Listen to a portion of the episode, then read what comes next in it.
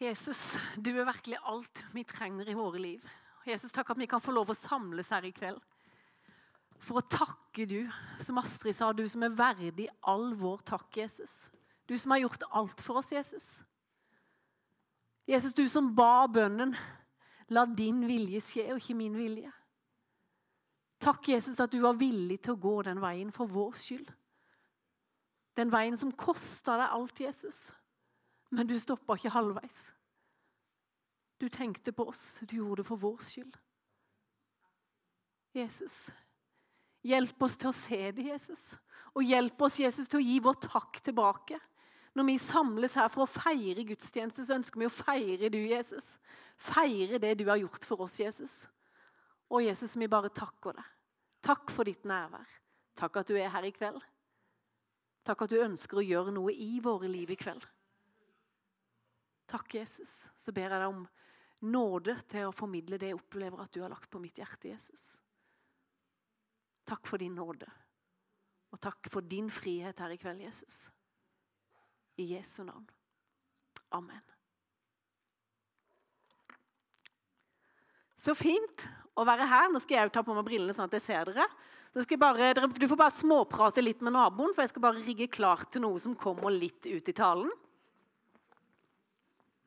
Dere snakker veldig lavt hvis dere snakker sammen nå. Sånn. Det er noe det at Når vi er på gudstjeneste, dere, så er det lov på en måte å vise litt glede og begeistring. Er dere enig i det? Ja, det er noe med det. For det, ja, ja, det er herlig. For det er lov, altså Du skal være den du er. Det er ikke det jeg mener at du skal ta på deg maske og være noe annet. Men hvis vi virkelig ser det korset og ser hva Jesus har gjort for oss altså Det er jo virkelig verdt noe å takke for og juble litt for. Jeg har fått mange snap i dag av min mann og Sigbjørn og Marte jeg er på Liverpool-kamp. Og jeg skal love deg, der var det liksom ikke sånn der småklapping. Der var det stemning. Der var det stemning, og vi har enda mer grunn til å ha stemning, selv om Liverpool vant. og det er verdt litt stemning. Men vi har verd til å feire. Vi har, verd, vi har all grunn til å feire når vi er på gudstjeneste. Det er vi. Føler jeg står i sånn høyfjellssol i dag, men Kanskje han ble brun av å være på talerstolen? Dere, først eh, så vil jeg si tusen takk. Jeg vet ikke om Anne Lene og Gerd og ser Gerd Tusen takk, Anne Lene, Gerd og Sandra, for den innsatsen som de legger ned i forhold til julemessa og organiserer og gjør det hele. Ja. Det er verdt en stor applaus. Uten de tre der, dere, så hadde det ikke blitt noe julemesse. De gjør en super jobb i den komiteen. Og alle dere andre som var med og bidro i går på den dagen. Vi har ikke fått tallene ennå, men det en vet, er at det var vanvittig mye folk. Veldig mye folk, så følg med på ukesmailen, så kommer tallene eh, på hvor mye som er kommet inn. Men tusen takk, alle sammen som var med og bidro. En annen liten informasjon jeg må ha, det er at eh, neste søndag så blir det dåp her i eh, Misjonskirka. Eh, to kandidater som er klare for eh, å la seg døpe. Men hvis du kjenner noen, eller du sjøl går med tankene på å, å la deg døpe, så ta kontakt med Vidar eller meg så fikser vi det. Da tar vi en liten prat, og så er dåpskummen den er klar til søndag. Så det blir bra. Det gjør det. Og så er det en annen kunngjøring, som er en trist kunngjøring. Og det er jo at kjære Terje Mørland han reiste hjem til Jesus natt til 6. november. Og Terje han har vært trofast her i menigheten gjennom mange år. En mann med et stort hjerte og med et stort tjenersinn. Og Jeg ser han for meg, enten det var med feiekosten i hånda, han var stadig rundt med feiekosten, med et smil om munnen, eller om det var å ta imot billetter på julekonserten. Så ble gjestene møtt med et smil, for der sto Terje. Eller når han kom et par meter bak sin kjære Jødis, som han sa. For at Jødis hun kan jo ikke gå, hun løper, mens han kom et, meter, et par meter bak, bærende på kofferten med et smil om munnen. Det var Terje. Og det blir begravelse her fra Misjonskirka fredag 17. november klokka halv ett. Så la oss huske på Hjørdis og resten av familien. Be for dem og være der for dem. Og så vil vi òg takke for at Terje han hadde nå gått hjem hos Jesus. Mm.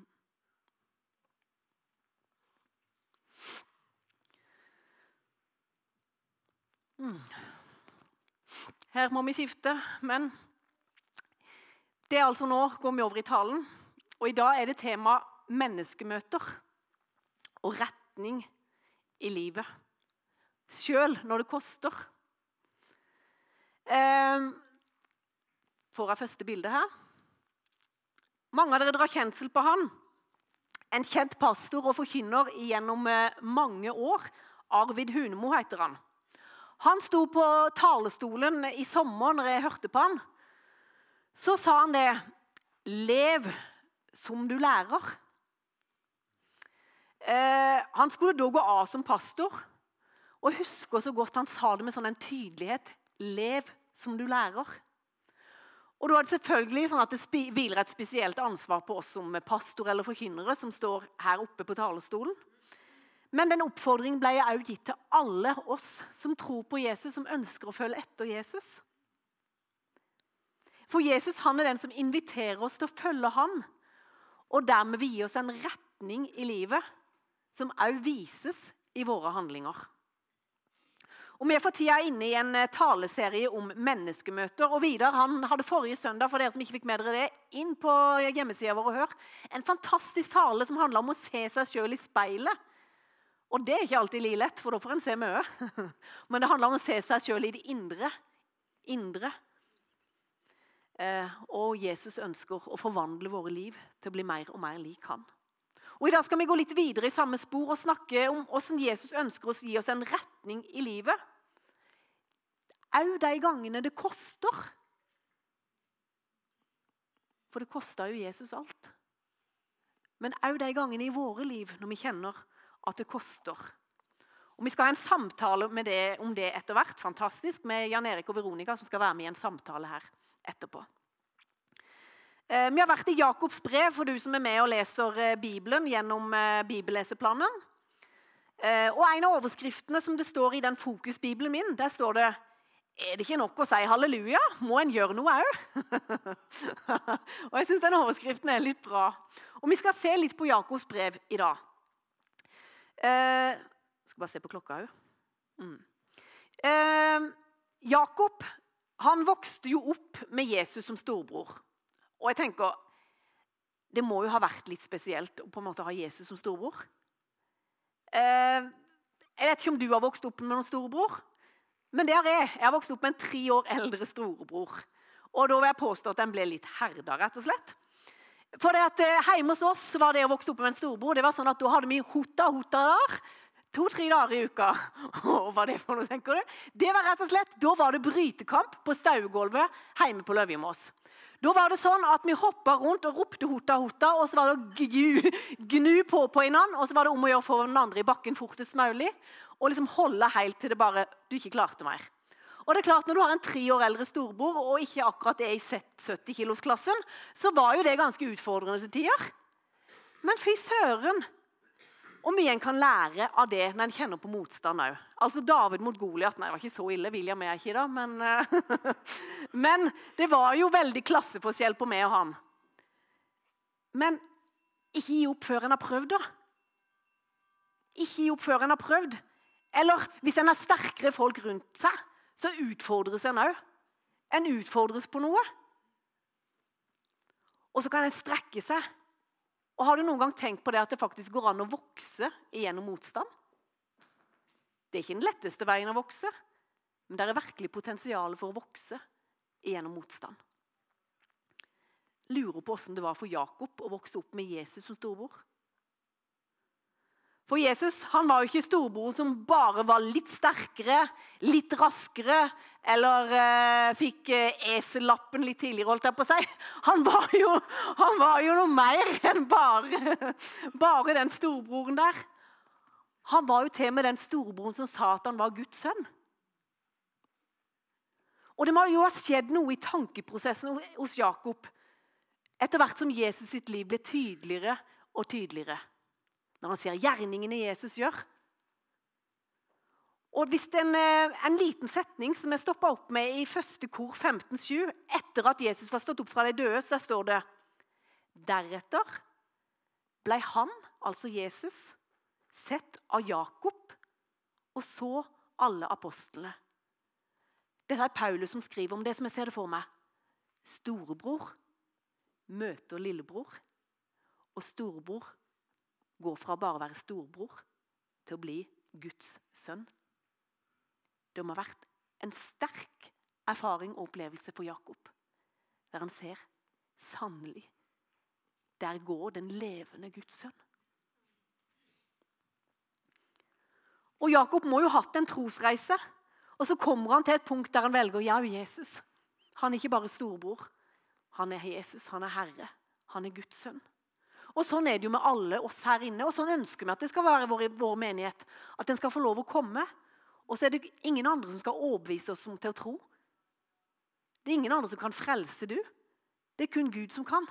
Vi skal få lov å gå en trosreise, og så på en måte skal det få lov å vokse fram vår etterfølgelse av Jesus. Det er kun du som kan bestemme at du vil ta imot den gaven Jesus er.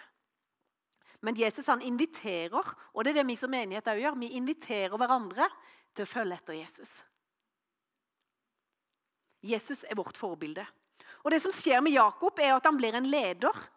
Og der I Jerusalem så var det ikke bare lett, for det at eh, menigheten der ble spredd for alle vinder etter at Stefanus ble steina. Og når Jakob nå skal på en måte skrive dette brevet, eller han skal nå fram til de her menneskene som nå er spredd for alle vinder, hvordan skal han få tak i alle de her menneskene? Ja, hadde det vært nå, så hadde vi jo kunnet spilt inn en uh, liten Facebook-hilsen, eller vi kunne sendt en mail, eller Men Jakob, han måtte jo skrive brev. Hvis du er så ung her inne og ikke vet hva et brev er Nei, snittalderen er ganske høy. Hvis du ikke vet hva et brev er, så får du gå til mannen min han kommer hjem, for han var god til å skrive brev når han var i militæret. Ikke så ofte det skjer lenger nå, nei. Men det kan virke som at Jakob ønsker å ta opp et tema i de brevene som han skriver, eller det brevet han skriver.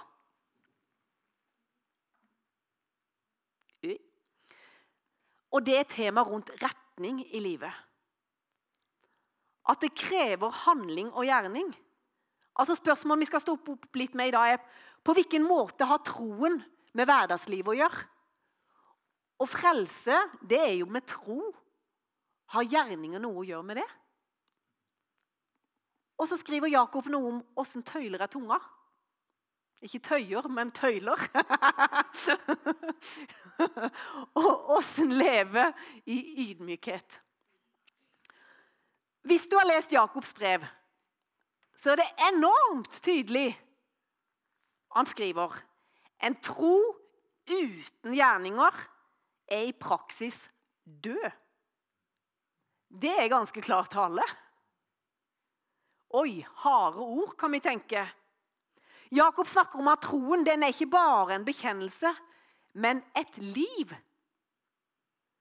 Igjen, altså er det ikke bare å si halleluja og være salig på søndagen og løfte hender. Må jeg gjøre noe òg? Og Nå skal jeg si noe som kanskje kan provosere litt. Men jeg tror at vi trenger å bli minnet om det. For av og til så tror jeg vi er litt i fare for å gjøre evangeliet rett og slett terapeutisk. Og mener jeg med det? Ja, Hvis det å følge Jesus bare forkynnes med en sånn undertone av lykke, eller om vi bare forkynner det at Jesus skal hjelpe meg til et bedre liv, sånn at jeg er i sentrum, og Jesus han skal hjelpe meg, og han skal støtte meg, og han skal bære meg, han skal være den som gjør at mitt liv blir bra Og ja, jeg hadde aldri klart meg uten Jesus. Han er min styrke, han er min hjelper, han er min trøster. Men vet du noe? Han er òg den som utfordrer meg til å følge etter han. Til å følge etter han og velge han og velge hans gode veier.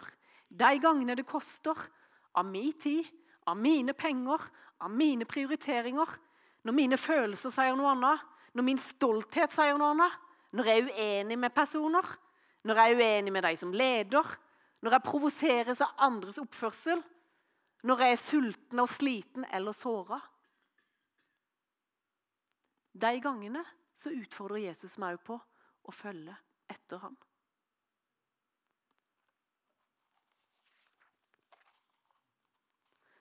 Han er den som utfordrer meg til å ta opp mitt kors og følge ham og la noe i meg sjøl måtte dø for at noe nytt og bedre skal få lov å vokse fram i og gjennom mitt liv. En ny og en bedre retning. Og det er absolutt ikke alltid like lett. Er det noe jeg har lyst til? Nei. Det koster, og det provoserer av og til. At jeg hørte en historie her denne uka, og jeg syns den er ganske heftig. og den forteller noe om det. Thomas Netteland, noen av dere som har hørt om han, en frisk, eh, frisk sprudlende forkynner. Han hadde solgt Mac-en sin på Finn. Så viste det seg at eh, de pengene de kom aldri. Han ble svindla. Og da sier han jeg oppdaga at jeg ble lurt og jeg ble svindla. Åssen reagerte han da? Åssen hadde jeg reagert da? Mm.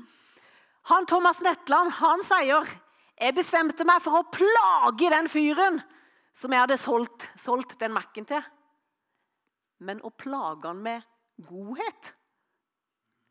Så han begynte å sende oppmuntrende SMS. og bare positive ting, vet du. Og så gikk det, det var ikke så lenge før jul når han opplevde dette, så han hadde jo adressen, så han kjøpte en bibel. Og så sendte han en bibel. Og han fortsetter å sende gode, oppmuntrende 'ha en god dag', og 'håper du får en god dag', og bare sånn oppmuntre greier. Vet du noe? Til slutt, etter noen uker, så orka ikke denne fyren mer. Han orka ikke mer, så han sendte tilbake Mac-en. Og det som skjedde, var at Thomas Netland han fikk bli kjent med en fyr som egentlig det han egentlig trengte, det var jo en venn og noen å snakke med. Men jeg syns det er vanvittig radikalt gjort. Og jeg måtte stoppe og tenke hm, Hva hadde jeg gjort? Åssen hadde jeg oppført meg i den situasjonen? Jeg er ikke helt sikker på at jeg hadde sendt gode oppmuntrende meldinger. Har en vei å gå i mitt liv. Jakobs brev utfordrer oss til å leve som vandrende demonstrasjoner av hva det vil si å ha Jesus i livet sitt. Jesus gir oss en retning sjøl når det koster oss. Til og med da ønsker Jesus at vi skal følge etter ham, være annerledes, velge annerledes gjerninger. Jakob han skriver ikke noe om åssen en blir kristen. Men han skriver bare om hvordan en oppfører seg som en kristen. Og Når vi tar opp dette her og snakker om det i dag med gjerninger, og alt sånn, så er det kjempeviktig bare at jeg sier to setninger. For det ligger i bånden av hele Jakobs brev og det ligger i bånden av hele Bibelen. Altså, Det handler ikke om at vi skal ha noen gjerninger for å bli frelst. Det snakker Bibelen ingenting om. Bibelen er kjempetydelig på av nåde Å, nå har jeg glemt det bildet. Da hopper vi videre. Av nåde er dere frelst ved tro. Og dette er ikke av dere sjøl, det er Guds gave. Det har ingenting å si med dine og mine gjerninger åssen vi blir frelst. Det er kun det verket Jesus har gjort. Slik er frelsen en gave fra Gud, gitt av bare nåde. Frelsen kommer ikke som et resultat av våre handlinger eller gjerninger, men fordi vi tror at Gud gir oss den bare av nåde. Derfor kan ingen skryte at de sjøl har gjort noe som helst for å bidra til sin frelse. Og det er kjempeviktig at du har dette her i bånden i dag. For ellers så blir det et kav og noen loviske greier og noe du skal prøve å få til. Nei, det ordet, det ordet der er det vi bygger på. Dette ligger i bånden hos Jakob og i hele Bibelen. Men det Jakob ønsker å fortelle, at det er ikke meningen at vi skal bare ha en kunnskap eller en forståelse om Gud. og bare, ja, det er så flott alt som står i Bibelen, og det er så bra det som står i Matteus og det som står i Apostelens gjerning, og det er fantastiske ord. Vet du noe? Til og med demonene tror jo på Gud. Til og med demonene sier at de tror på Gud. Men et liv i etterfølgelse av Jesus, en ekte tro, den vil vise seg i bevegelse, handling og gjerningene i våre liv. Som en takk tilbake for det Jesus har gjort for oss, så kan vi få lov å gi våre liv, gi våre handlinger, velge det som Gud sier er det beste for oss, som en takk for det at han har gjort alt. Det er liv i bevegelse. Og så er vi underveis alle mann. Det vet vi veldig veldig godt. Men tanken er at mitt liv skal ikke være helt lik som da jeg var 15 år. Det skal skje en endring på veien til i dag. For vi er på en måte på, vi er på vei. Men målet til Jesus er jo at vi skal forvandles og bli mer og mer lik han. Jakob 2, 17-20. Slik er det også med troen. Hvis man ikke omsetter det man tror på, i praktiske handlinger, er troen død og meningsløs. Det er ganske heftig og klar tale. Jakob legger liksom ikke noe mellom linjene. Noen vil kanskje protestere og si tro er en ting, handling er noe helt annet. Da svarer jeg at ingen kan tro uten at det fører til handling. Nei, det er handlingene som viser hvilken tro vi har. 1923. Du tror at Gud er rein, og det er helt rett. Men det tror demonen òg, og de skjelver. Så det hjelper ikke at du bare tror. Din tro er helt uten mening dersom den ikke følges opp av handling. Da er det en død tro. Hilsen Jakob. Klar tale. Klar tale. Troen må vise seg i måten vi lever på, og ikke bare med noe vi snakker om eller noe vi gjør på søndagen. En kan på en måte si at gjerningene våre er det som skal vise at vi tror eller at vi er frelst. Dine og mine gjerninger skal vise andre mennesker at vi følger Jesus. Og da vet du, da ble det i hvert fall sånn i mitt liv at da må jeg stadig erkjenne og bekjenne de områdene i livet der jeg er en dårlig kopi av Jesus. Kanskje ikke det er sånn i ditt liv, men det er i hvert fall mange som sier i mitt liv som er dårlig, som ikke ligner på Jesus i det hele tatt. Og da trenger jeg å bekjenne og erkjenne det. For det er veldig fort gjort å bare prøve å gjemme det under et teppe eller late som det ikke er der. De tingene i livet mitt som uh, her kjenner jeg blir litt utfordra. Det er veldig lett å hoppe bukk over og bare la det ligge. Men jeg tror ikke det er Jesus at han ønsker det. For han ønsker et liv i frihet for oss. Han ønsker et liv i at vi skal følge etter ham med hele livet vårt. Og det er det som er frihet. Hvis vi lar det som på en måte murrer litt, bare ligge der, så er det jo ikke et liv i frihet for oss. Da Hvis vi stadig kjenner på skam, fordømmelse, kjenner at oh, dette er litt dritt, rett og slett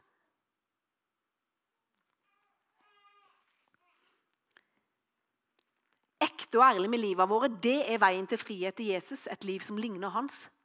Å ydmyke seg det er ikke alltid lett, men det er allikevel veien til frihet. For stolthet det fører ikke til noe vekst i vår karakter eller i vårt liv. Stolthet gir aldri vekst. Vi kan jo starte med det som er det nærmeste, enten du bor sammen med noen eller du bor alene. Hvordan kan det merkes i din heim eller i ditt hus at du eller dere tror på Jesus, at dere følger etter ham? Hvordan snakker vi til eller om hverandre? Åssen snakker en om andre mennesker? Jeg husker når jeg studerte pedagogikk, så, så lærte vi at ungene de gjør ikke det du sier, de gjør det du gjør. Og det er jo ganske utfordrende av og til. For det er veldig lett å si til ungene gjør det og det og det, og så gjør jeg noe helt annet sjøl. Da ser de jo på det jeg gjør. Og det gjelder jo kristen tro òg. Hvis jeg lærer ungene mine at dette er så viktig, det er så bra, det som står i Bibelen Det Jesus sier, vet du, det må du høre på. Men så gjør jeg noe helt annet og tar en helt annen retning sjøl og taler sterkest. Det som Jesus sier, eller mitt liv der og da De ser på livet vårt. Og Det betyr ikke og det er viktig for meg å si, det betyr ikke at vi som foreldre skal leve perfekte liv. For det kan jeg være den første til å rekke opp hånda på. at jeg har gått på mange smeller. Men hva er det ungene kan lære? At vi der òg ydmyker oss og sier at der tok jeg som mamma eller pappa der tok jeg et feil valg. Der tok jeg et feil steg. Det jeg gjorde der, det var ikke bra. Da viser vi jo med livet vårt at det går an å ta feil. Men jeg velger å bekjenne det, erkjenne det, istedenfor å være stolt. Eller når vi sier og gjør ting. For det gjør vi garantert i heimene våre. Vi sårer ungene, vi sårer hverandre, vi sårer andre mennesker. Men da ydmyker vi å gå og be om tilgivelse til ungen min. da. For det er vi som er den voksne, som er den ansvarlige. Unnskyld for det jeg sa der. Jeg er sikker på jeg såra deg. Jeg skulle ikke ha sagt det jeg gjorde. Eller at ungen òg hører at vi som foreldre sier det til hverandre. Det er jo, det er, går, altså Ingen lever perfekte liv, men det handler om å ydmyke seg Å ydmyke seg. Jeg tror ungene tåler veldig mye når vi bare ydmyker oss og innser at jeg bomma på målet. Gjøre tro. Handlinger som Jakob peker på. Vi skal gå inn på en konkret ting som Jakob snakker om i brevet sitt, som vil treffe oss alle sammen her inne. det er jeg i hvert fall helt sikker på. Inkludert meg sjøl, og det er rett og slett tunga vår. Den snakker Jakob en del om. Og altså Har en vokst opp i en heim med mye kritikk og klaging, så er det merkelig hvordan det automatisk er det som gjerne vil komme ut av munnen vår. Eller hvis vi er såra eller føler oss urettferdig behandla eller bare har en dårlig dag, så er det veldig vanskelig å tøye Nei, ikke tøye, men tøyle den tunga av og til. Her er en litt lang tekst, men vi tar oss tid til å lese den, for det står enormt mye bra. Vi styrer hele hesten med å legge bissel i hestens munn, slik at den gjør det vi vil. Au store skip blir styrt av et lite ror. Selv om det blåser kraftig, så blir skipet styrt akkurat dit styrmannen ønsker, ved hjelp av det lille roret. Se det for deg hesten. Det lille bisselet inni munnen og det lille roret har stor betydning. Og Sånn er det òg med tunga. Det er bare en liten kroppsdel, men den kan likevel brukes til store ord. En stor skog kan settes i brann av en liten ild. Sånn kan tunga òg sammenlignes med en ild. For den kan brukes til å spre masse ondskap. Den påvirker hele kroppen vår og kan bidra til å sette fart i vår egoistiske natur. Vi mennesker kan temme ethvert dyr, fauler, krypdyr og sjødyr. Men ingen klarer å temme sin egen tunge. Hørte du det? Ingen klarer å temme sin egen tunge. Den kan brukes til ustyrlig ondskap og er full av dødelig gift. Tunga kan brukes til å lovsynge Gud, vår far, og den kan brukes til å forbanne mennesker som er skapt i Guds bilde. Ut av samme munn kommer det både velsignelse og forbannelse. Søsken, slik skal det ikke være.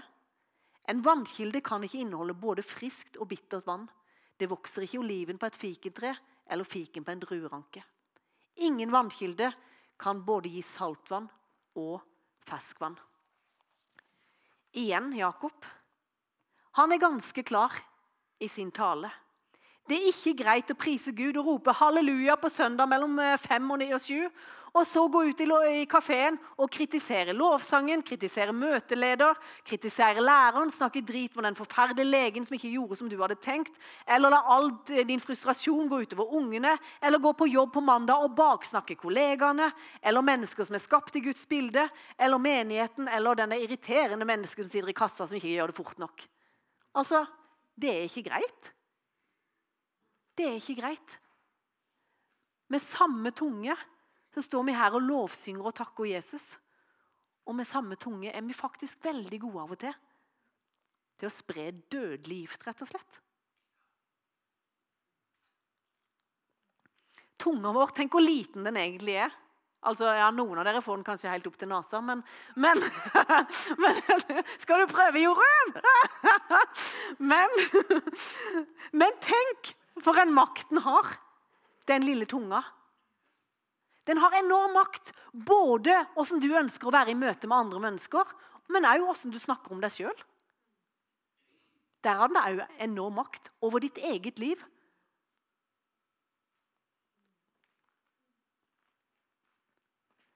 Jeg vil påstå at ut ifra det Jakob sier, at ei tunge eller et Facebook-innlegg Det kan òg på en måte være ei tunge. Ei tunge eller et Facebook-innlegg som løper løpsk med å stille andre mennesker i et dårlig lys, det er et vitnesbyrd om store brister i egen karakter eller egen dømmekraft. Ut ifra det Jakob skriver. Hele livet vårt, sier Jakob, blir påvirka av det tunga vår sprer ut. Noen av dere har kanskje sett på eh, er det Tropp? Hva det heter for noe Tropp? Det er på Kompani Lauritzen. Tropp 2, takk. Ja, Tropp 2. Eh, han gutten som jeg var merka med en gang fra første dag, som på en måte bare, du ser hele han, at livet er dritt. Stakkar, han har sikkert ikke hatt det bra, det har vært mange utfordringer i livet hans. Men han får ganske klar beskjed om at måten du snakker både til deg sjøl og om andre på, påvirker hele gruppa. Våre ord Dine ord kan være med å påvirke hele din arbeidsplass, hele huset ditt, hele heimen din, langt inn i menigheten. Orda som vi ønsker å uttale. Det er makt i våre ord. Jakob er veldig, veldig tydelig på det.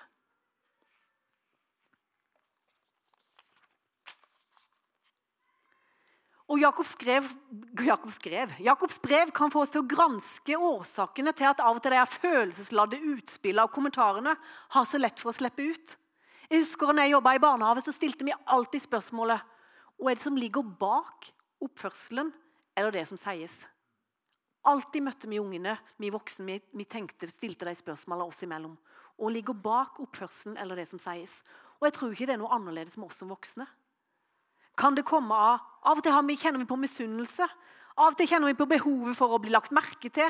Og det er nydelig å trykke andre litt ned, for da kjenner jeg løfter meg sjøl litt. i hvert fall, Noen sekunder. Eller jeg vil at min røst skal høres. Da må jeg tale i store ord. Det er jo ingen som ser meg! Eller dårlig selvbilde. Det kan òg gjøre at jeg får et behov for å bruke den tunga litt. Trykke andre litt ned. Og dere, Dette må vi våge å være ærlige med. Gå bak det som gjør at vi av og til uttrykker oss på den måten vi gjør. Og få hjelp til å ta tak i de tinga der. Jeg husker når jeg var yngre, så var jeg supermisunnelig. Altså, Jeg var en skikkelig drittsekk på, eh, på mellomtrinnet på skolen. Jeg var sånn som jeg var misunnelig. Så hvis venninna mi fikk en ny jakke, så snakka jeg bare om at 'jeg skal snart få ei gørrfin jakke'. 'Den er knallfin, den jakka jeg skal få'. Istedenfor på en måte si til henne 'Å, det var ei fin jakke'. Jeg klarte ikke å si det, for jeg var så misunnelig. Jeg kjente jeg har jo lyst på det. Jeg vil òg ha sånn jakke. Så ble jeg den der som sa de stygge ordene. Jeg var nødt til på en måte å, å, ta tak i det som var med misunnelse i mitt liv. Og det som gjorde, Jeg fikk det jo bare dårlig sjøl òg når jeg gikk og trykka ned andre. Da handler det om å ha det i livet, og ha det å takke for i livet. Og det jeg har fått, hjelper meg til å løfte blikket og begynne å takke for det jeg har, istedenfor at på den misunnelsegreiene. Hvorfor kan andre gjøre så mye mer enn meg? Hvorfor kan ikke jeg det? Og kan jeg bidra med? Og har jeg? En trenger å stoppe opp og ta tak i de følelsene. Eller jeg husker hvis jeg ble slått av noen i et løp, eller om vi tapte en fotballkamp. Grusomt fort at det var dommeren sin skyld. Å Guri, det var en elendig dommer i dag! Han var jo helt håpløs! Eller hvis jeg, hvis jeg tapte i, i, et løp som jeg var med i, så Nei, da hadde jeg ikke de skoene, altså. Det var sykt irriterende. Alle de andre hadde de og de skoene. Jeg hadde glemt å ta med meg de, så det var helt sikkert grunnen til at jeg tapte. ikke vel? Skikkelig god taper. Sånn gjør jeg med mannen nå, da. enn med enda, men nei Men jeg var en skikkelig dårlig taper. Jeg klarte ikke å heie på andre og løfte andre. Jeg hadde en enorm vei å gå i mitt eget liv på det. Åssen jeg brukte tunga mi.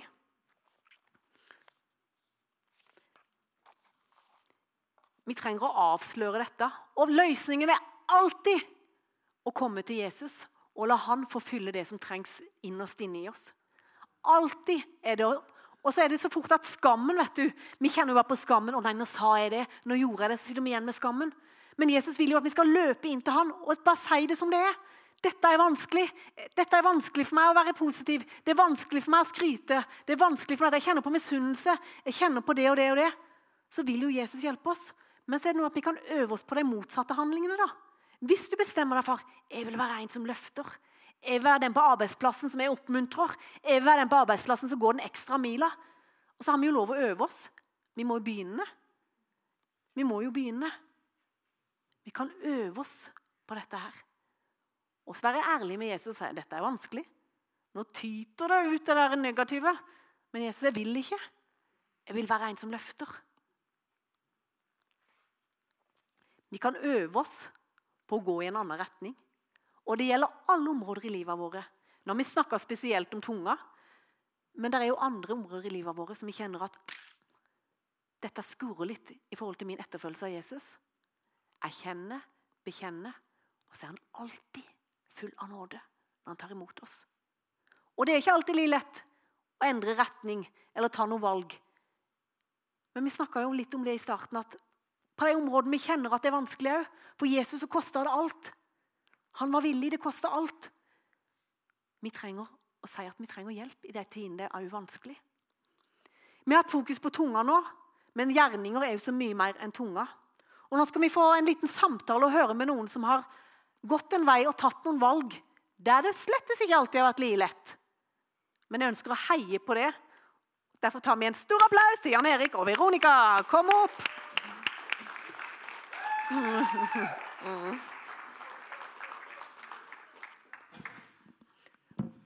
Skal jeg bare se på klokka 18.10, for du vet, når du inviterer en bergenser til prat Da Nei da. Kjør på. Sett dere ned. Velkommen. Så bra. Nå må jeg ta med brillene, for nå sitter jeg nærme. Altså, Vi har, har snakka litt om det i dag. Vi, om, vi har snakka om at det koster å følge Jesus. Eh, det er ikke alltid lett. Det koster han hele livet. Eh, og så er det noe med det at vi ønsker å følge Jesus i en retning, òg på de områdene i livet der det er vanskelig. Og dere har tatt noen valg på det som på en måte kan være vanskelig. Um, lev som du lærer, begynte jeg med i dag. Uh, og det er jo viktig å ha i bånden at Gud er god. Hvem er det vi venner oss til? Det er en Gud som er god. Som ønsker å lede oss fordi han vet hva som er det beste for oss. Og Bibelen snakker jo mye Jan Erik, om eh, menigheten. Den bruker et bilde som kroppen på menigheten. Og det med menighet, det har ikke alltid vært juhu! Noe du har, Det vil jeg kjøre på med, det er bra, liksom. Men du Oi sann. Men du har tatt et valg, eller dere har tatt et valg på et menighet. Ja. Fortell. Er det et valg som bare har vært lett? Nei, det er jo ikke lett hvis ikke du er på en måte fått inn med morsmelken. holdt jeg på å si. Sånn, Jeg er ikke født, en, født inn i en kristen familie. Mm. Så det har ikke vært naturlig for meg å gå i menighet. Og så når jeg ikke har hatt familie, egentlig, og blitt sett, på en måte, så har det i hvert fall ikke vært lett å skulle bli en del av en familie i kirken. Men eh, jeg bare ler litt og smiler litt her, for dette, eh, det her kan bli veldig interessant, kjenner jeg. For, ja, så, så Men uh, det Hæ? Ja, jeg ser på deg. Du, du er så fin. Du gir noen varm applaus. Se hvor fin du er. Hæ? Nei, men um, hva var det du spurte om i gang? For jeg, for jeg, jeg, kom, jeg, kom, hjem for en time siden fra Husnes. Ja, Kvinnherad og sove åtte timer i helgen, så det har gått litt i ett. Men du spurte meg om ja. jo, valget. Men, ja, valg. altså, ja. Vår menighet har ikke vært et veldig naturlig valg, for det har vært vanskelig. Men allikevel ja. har du sagt 'jeg velger det'.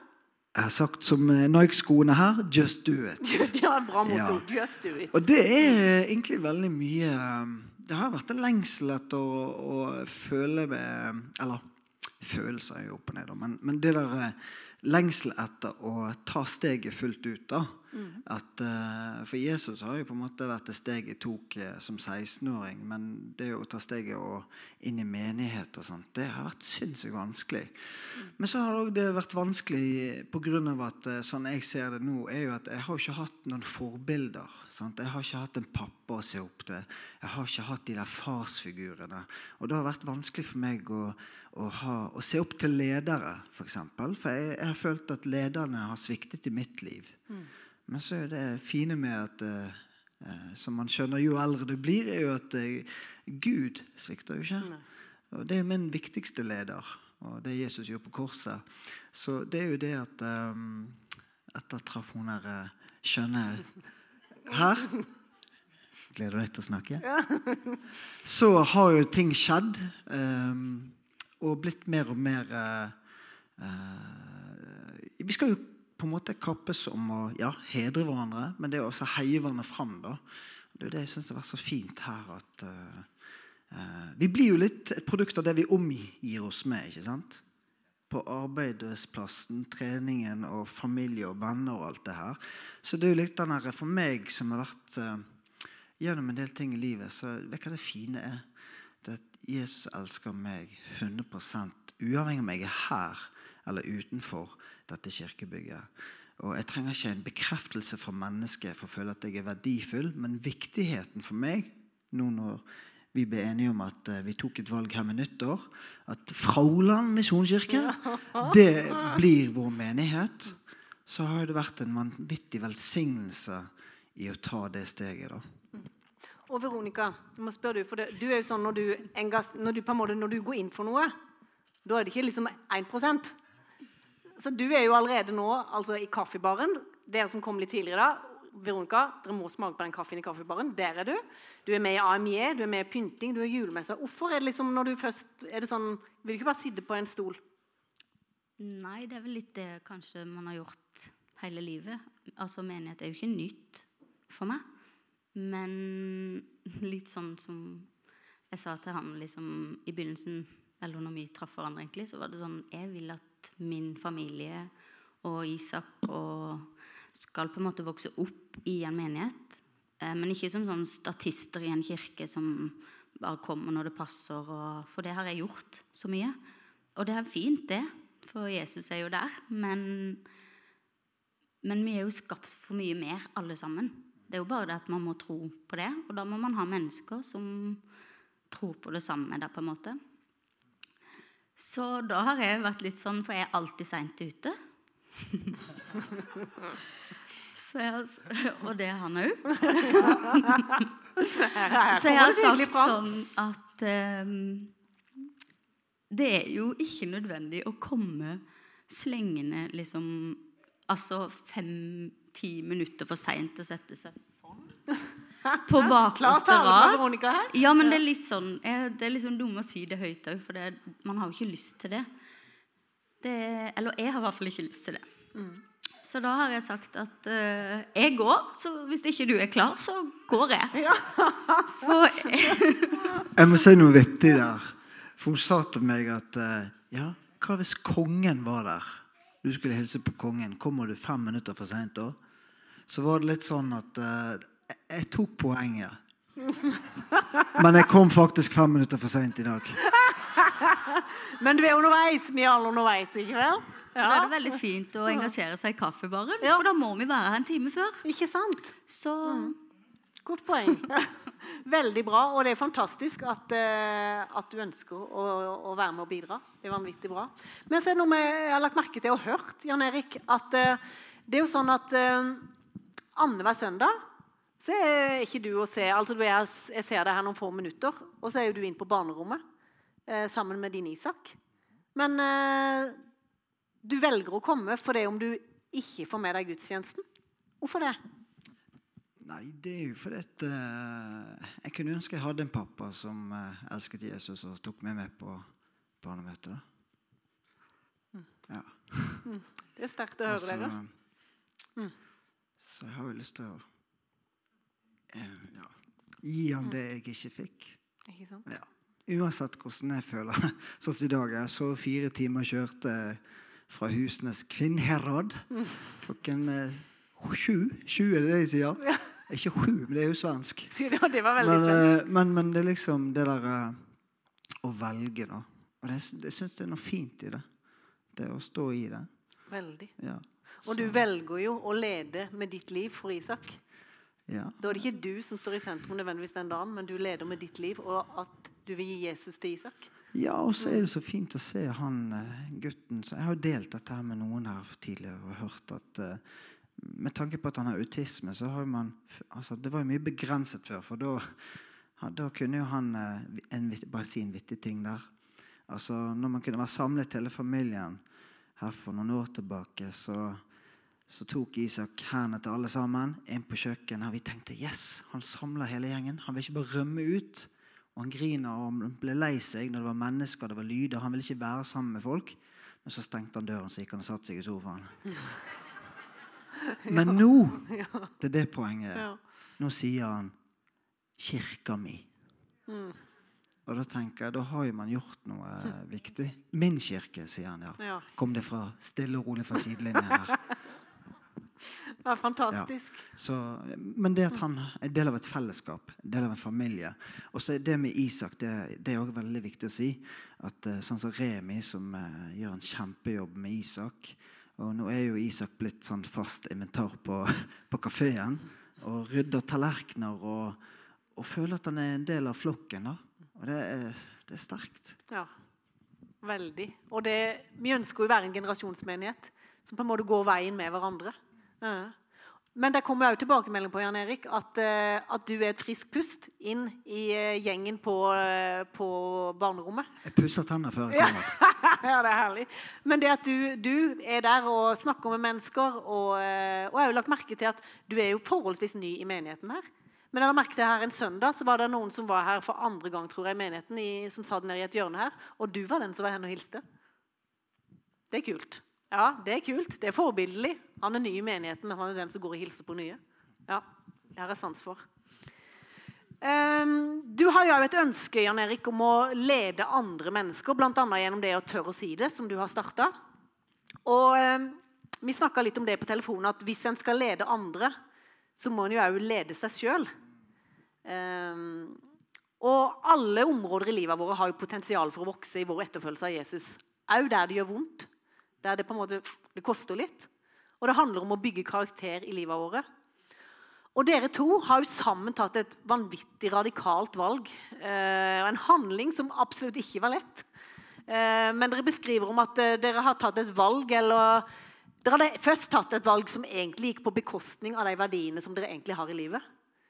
Eh, og når en har tatt et eh, valg eh, om å bli samboere, som egentlig var et valg som var på bekostning av de verdiene dere har, eller på kompromiss av de verdiene, så er det ikke på en måte noe selvfølge å ta, ta, et steg ut av det igjen. Det er liksom, I dagens samfunn så er jo det helt uh, Hvem gjør det, liksom? Nei? Veldig få. Veldig få, ja. Veldig få. Jeg må høre fra du. For at, eh, når det kommer fram jeg skal ikke si altså, først, først, var det sånn at når dere kom her i menigheten, og på en måte en kom i snakk om det var sånn, hoppa jeg jo videre i hodet på dere med en pekefinger og sa nå, dette kan vi ikke ha. Nei, det var ingen som gjorde det. Mm, det var vel heller oss. altså sånn, Det begynte å skje ting. Jeg tror jo på en måte det òg er på en måte Det er jo Gud som gjør noe i oss, men det er jo ikke lett når man på en måte ja, har forskjellige måter å si ting på, føle ting, og alt er nytt. Altså, ja. Um, men det som var når vi var her, så i hvert fall min opplevelse var jo at da var jo alt helt sånn Jeg vet ikke. Da følte jeg meg egentlig at uh, da er vi beskytta, på en måte. Og så fort man kommer ut, så kjenner man jo på alt. Så det er ingen Det er jo kanskje stikk motsatt av det jeg hadde tenkt, kanskje. At noen i en menighet eh, kanskje hadde hatt en mening. Og for meg som har fått sånne ting inn fra jeg var liten, så hadde jeg kanskje trodd at det var mennesker som kom til å fortelle meg at er sånn og sånn og sånn.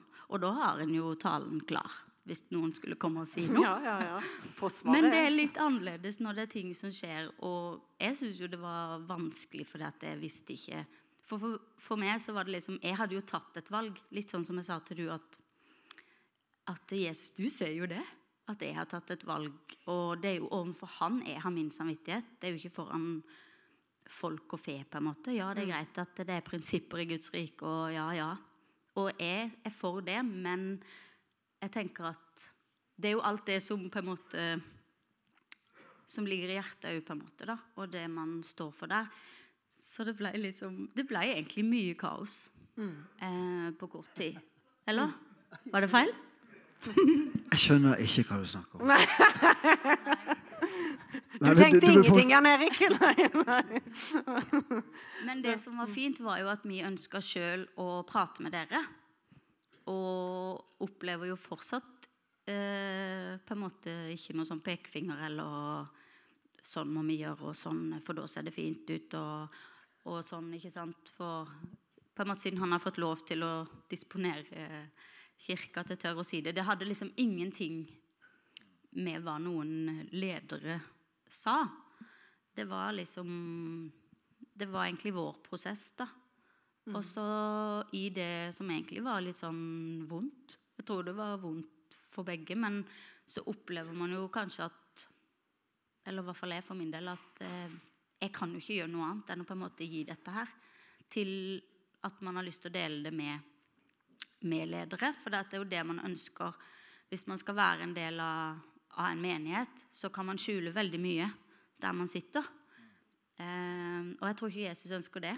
Jeg tror han ønsker at vi skal komme med alt. Alt som er vondt, og alt som er skikkelig dritt.